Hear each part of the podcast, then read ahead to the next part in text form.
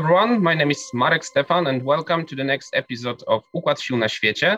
My guest today is uh, Mr. Ian Brzezinski, Senior Fellow in Transatlantic Security Initiative, Scowcroft Center for Strategy and Security, also former Deputy Assistant Secretary of Defense for Europe and NATO Policy. Hello, Ian. Pleasure. Good afternoon. And today we'll uh, be talking uh, about the changing security architecture in Europe, uh, particularly in Central and Eastern Europe, uh, in the context of um, ongoing Russia invasion of Ukraine. So um, uh, I want to begin our conversation about the question of the um, of the Russian goal, the political goal of this of this conflict, because um, in the absence of the major success, uh, Russia is now waging a war of attrition uh, in Ukraine. Uh, so, what do you think? What is the current political goal of this war, uh, which Moscow wants to achieve? You know, you have to always recognize that Putin is a person who's guided by a vision and you know broad geopolitical ambitions. First and foremost, which is the kind of reconstitution of Moscow's control over the former Soviet space. And, and central to that is his definition of what is Russia. Uh, as inaccurate it might be, it's a definition that includes, unfortunately, much, much if not all of, all of Ukraine. He's also pragmatic, uh, and while he will take risks uh, in the pursuit of, of, of his vision, he, he's a realist. And if there is strong resistance to it, he will adjust his, his objectives. So I think what we're observing right now is an evolution of Putin's objectives. Uh, I think when he started this, this war, I think he naively assumed that Ukraine would capitulate very quickly and that he would be able to gain con- political control over the entirety of Ukraine by essentially seizing uh, Kiev and other key uh, industrial centers in, in, in the country. Uh, that um, assessment is based on the structure of its attack, the focus of its attack, uh, and the naive assumption that he could assume a control, occupy a country with just 200, a country of 44 million with just 200,000 troops. Well, he's learned the hard way that those assumptions were false, uh, that the Ukrainians are committed to their independence and their sovereignty, uh, to their identity, and that their identity is distinct from, from that of Russia not opposed to that of Russia, but distinct from it, which, con- which of course is contradiction to Putin's understanding of, of, of Ukraine. And above all, uh, they will fight to the last man uh, to preserve their, their sovereignty and, and, and their freedom. So this has grinded down his, his, his, his military mission. Uh, and I think he's reassessing what, what is possible. I think it's too early to tell that he's quote unquote given up. Uh, I think it's too early to tell that he has shifted his objectives to something that's more limited, perhaps portions of northeastern Ukraine, more of eastern Ukraine, and a corridor uh, to Crimea, if not beyond, uh, for the entire Ukrainian Black Sea coast. That's possible. It wouldn't surprise me, but I wouldn't make that conclusion just yet because we haven't seen a sufficiently significant shift uh, in the posture of his forces, beleaguered as they may be in Ukraine. Mm-hmm. Since the beginning of the current crisis, uh, we have very intensive debate uh, in NATO between uh, NATO allies about the um, commitment level in supporting of Ukraine. Uh, so, do you think the United States and the another NATO allies are doing enough in terms of the military aid uh, for Ukraine, in your opinion, should NATO provide Ukraine uh, with the heavy equipment, uh, deli- delivery, maybe uh, aircraft or uh, tanks uh, that President Zelensky is requesting? Well, the West has done a lot for Ukraine, uh, but not enough. I think that President Biden has done a very good job of building an international coalition in support of Ukraine. I endorse the sanctions they've imposed on Russia.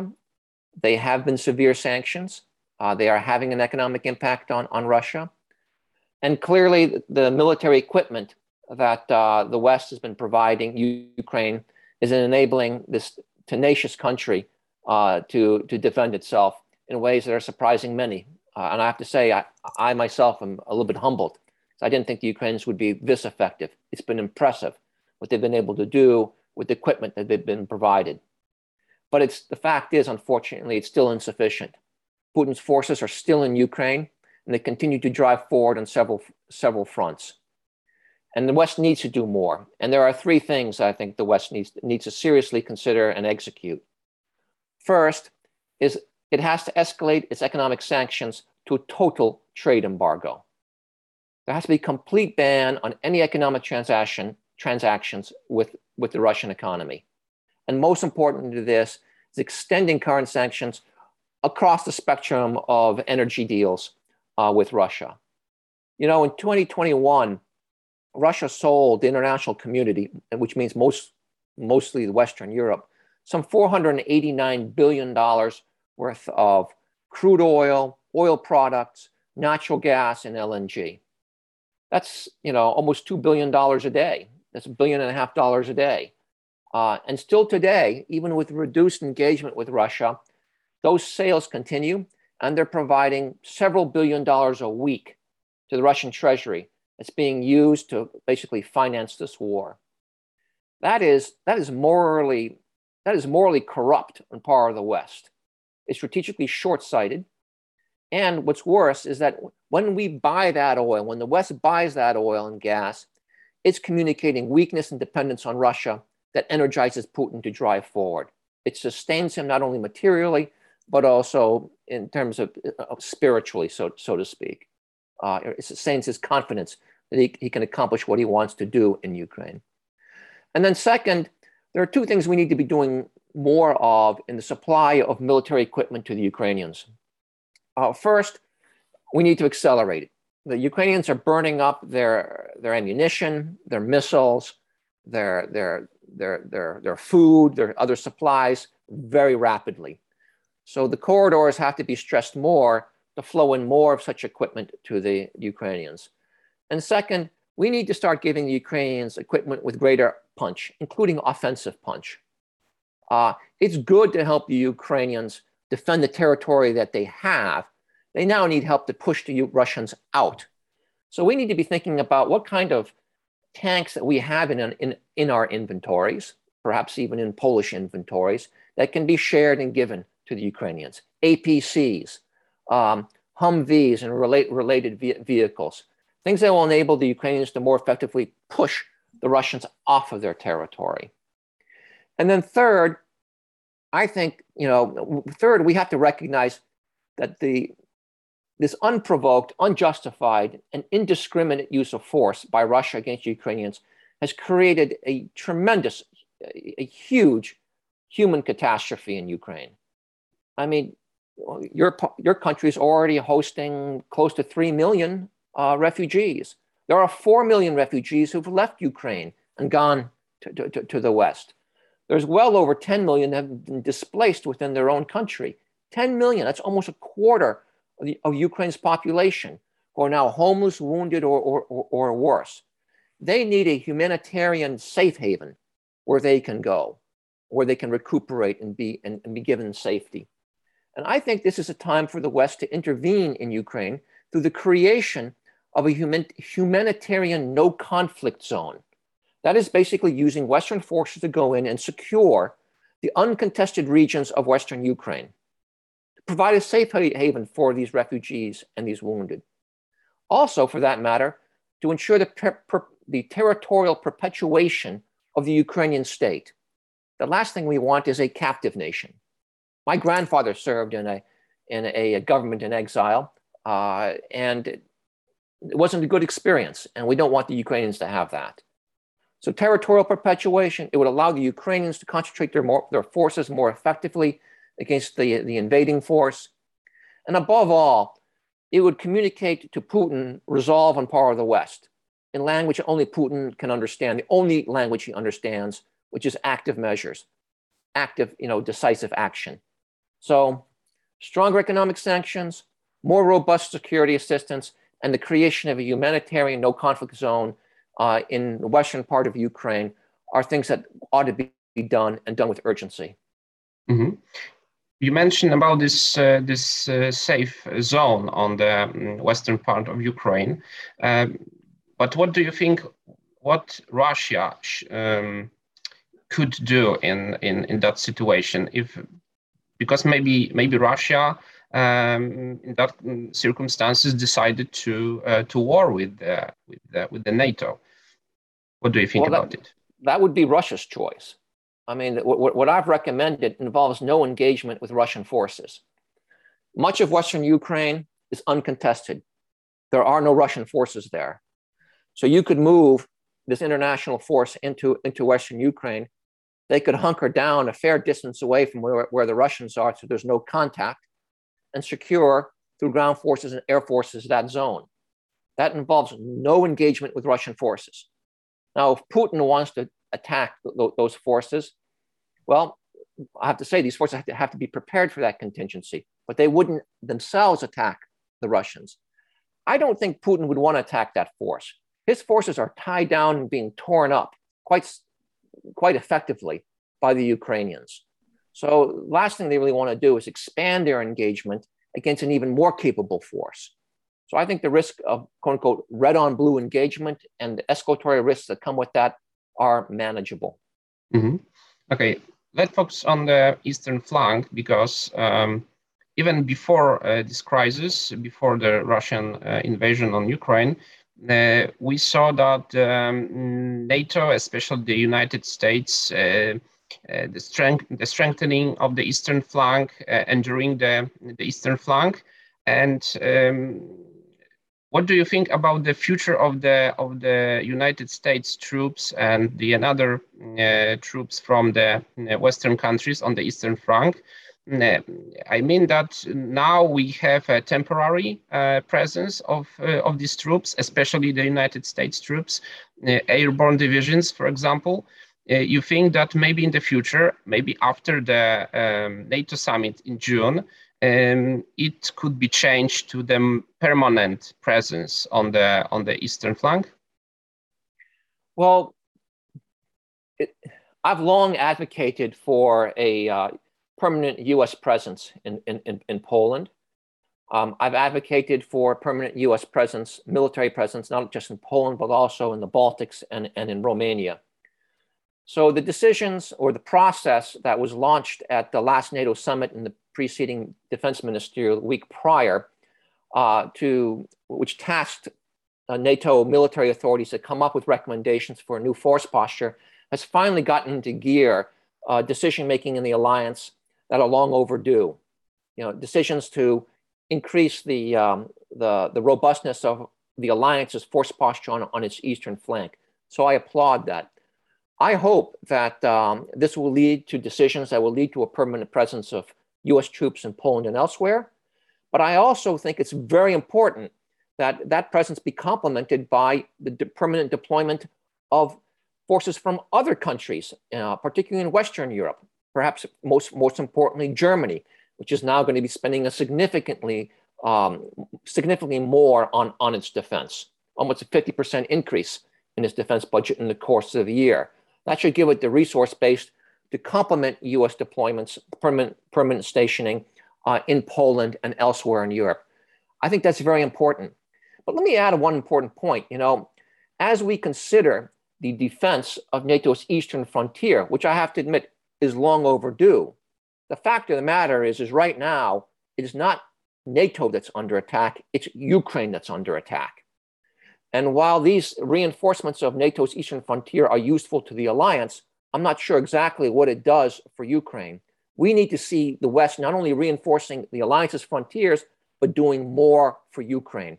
That is probably the most urgent requirement we have when it comes down to defending the alliance's interests uh, in, in, in Europe today. Mm-hmm. I also want to ask you about um, the double containment strategy toward Russia and China, because we see now that the Washington want to contain and compete in the same time with Russia and China, and also in military domain. So many experts in Poland um, wonder whether the US will be able to reconcile the challenges posed by European and Indo-Pacific theater in the same time. Um, the key in this regard will be convincing uh, the European partners to take more responsibility uh, for their own security. Uh, what what what you mentioned about it. So, do you believe that this is, will happen, and uh, that countries like, for example, Germany, will be willing to make this uh, great effort? Well, let me approach your your, your question a little bit differently.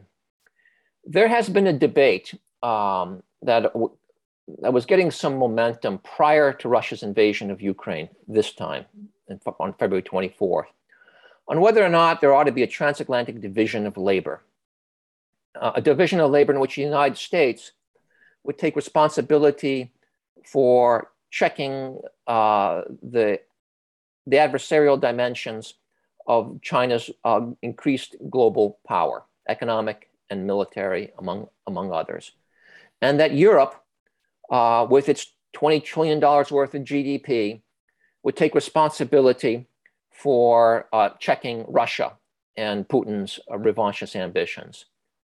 It's a division of labor that sounds very rational on paper, but I think would be, a, would be geopolitically catastrophic. It would essentially lead to the, the to the uh, division of the transatlantic community because if we were going to focus solely on, on the Indo-Pacific, we would pull our forces from, from Europe. And if Europe was going to focus solely on, on Russia, it would have to do so without the benefits of US military presence. We would focus on, on, on, on China, but would we really have West uh, Europe's economic capacities in, you know, along with us? And vice versa uh, for Europe when it comes to dealing with the economic challenges posed by Russia if we're going to deal with these authoritarian challenges effectively, we need to do it together. And that means we need to, both United States and Europe need to be working together in both theaters, in Europe and the Indo Pacific. That is the most effective way to marshal in a coordinated fashion our economic, our diplomatic, our political, and, and our military advantages against these two, uh, two challenges. Mm-hmm. So at the end, I, I want to ask um, to you about uh, two questions about the Three Seas initiative and the future of this of this project. A very important initiative, especially for uh, Polish government. Uh, how do you see the role of the Three Seas initiative in the current changing strategic and um, security uh, circumstances in the CE region? Um, I also wondering if US after Russian aggression uh, of uh, on Ukraine, um, decided to increase their contribution in Three Seas initiative. What do you think about it? Well, one, let me start by commending the Polish government for the leadership it's brought into the Three Seas. Uh, it's, it was the one that came up with the concept of the Three Seas Initiative Investment Fund, which is a very innovative new approach to infrastructure development uh, that can be applied not just in Central Europe, but elsewhere around the world. And I would argue that Three Seas initiative has become even more important. You know what it's all about. It's about, accelerate, it's about accelerating the development of cross-border energy, transport, and digital infrastructure uh, in the Central European countries of the European Union, the countries between the Baltic, Black, and Adriatic Seas. That infrastructure is uh, surprisingly undeveloped and is in fact kind of a sort of vulnerability. Uh, and it's, it's an impairment to connectivity. And when you have impaired connectivity, that impairs economic engagement, uh, it, that impairs economic growth, uh, and it can petrify, so to speak, uh, uh, dependencies and vulnerabilities that were inherited from the Soviet era, including you know, overdependence upon uh, Russian oil oil and gas. So this Central European launch and led initiative is driving forward to address this, this, this, this problem. And if it's effective, and I think it will be effective, uh, 3 Seas promises to be a powerful driver of economic growth. It will strengthen economic resilience, uh, including energy security through diversification of ener energy supplies. It will even contribute to the, the military defense of, of the region by facilitating more effective um, uh, mobility on a north-south axis along the alliance's eastern frontier, which right now is surprisingly limited to a few east-west corridors. So this is a very important initiative, And I, unfortunately, the invasion of Ukraine has highlighted its importance and gives it even greater urgency today. Mm-hmm. So we start our conversation uh, about um, the Ukraine and the Ukraine crisis. So um, I want to ask you about the Ukraine and the Free Seas Initiative, because uh, the Free Seas Initiative now is an initiative uh, which was uh, created by the EU countries, uh, Eastern EU countries, but now uh, in current geopolitical situation, I think that the, we have re return of the question about the um, the cooperation between Free Seas in initiative and the Ukraine. So you think that the Free Seas initiative uh, should be more uh, open for um, cooperation with Ukraine, or maybe even invite Ukraine to uh, to join to uh, to this project. Well, I always remind people that you know this is a Central European launched and led initiative, and that that, that is a decision for the current member states of the Free Seas to make. But in my humble perspective, I would note the, for, the following. First, I, I think it's important for the Three Seas initiative to articulate a more clear and coherent and visionary statement about the relationship it, it has and wants to have with the Central European states that are not members of, of, of the Three Seas. Uh, and I think the upcoming Riga summit provides an important opportunity to make that to, to articulate that vision. Second, I would note that uh, 3 Seas projects don't have to be exclusively limited to the 3 Seas region itself, to 3 Seas member states. It just has to involve one member state, 3 Seas member state, and another country. That can be Germany, that can be Italy, it can also be Ukraine. And I think a lot of thought ought to be given into what are some of the projects that 3 Seas can drive forward that will help further integrate Ukraine's economy, its infrastructure uh, into the wider European community. Uh, and this, of course, has been given higher urgency because of the tragic events of, of, of the last se several weeks, the invasion of, of, of Ukraine. Uh, and it's interesting to note, the third point about this is that, you know, Ukraine has been given a signal by the European Union that it will put Ukraine formally onto the map of, a, of, uh, of accession into the European Union.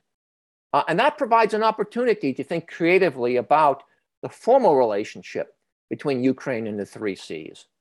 And it's something that has, has to be explored, should be explored, and I would think would be something that could be uh, matured and rolled out at the upcoming Riga summit uh, this coming June, mm-hmm. the upcoming 3C summit uh, and business forum uh, in Riga this June. Yes, thank you. Thank you so much. Thank you for your time. Uh, thank you for this uh, conversation. Uh, today, my guest uh, was Mr. Jan Brzezinski, Scowcroft uh, Center and Atlantic Center. Thank you. Thank you, sir. Thank you. It's a pleasure to be on. It's a pleasure to see you.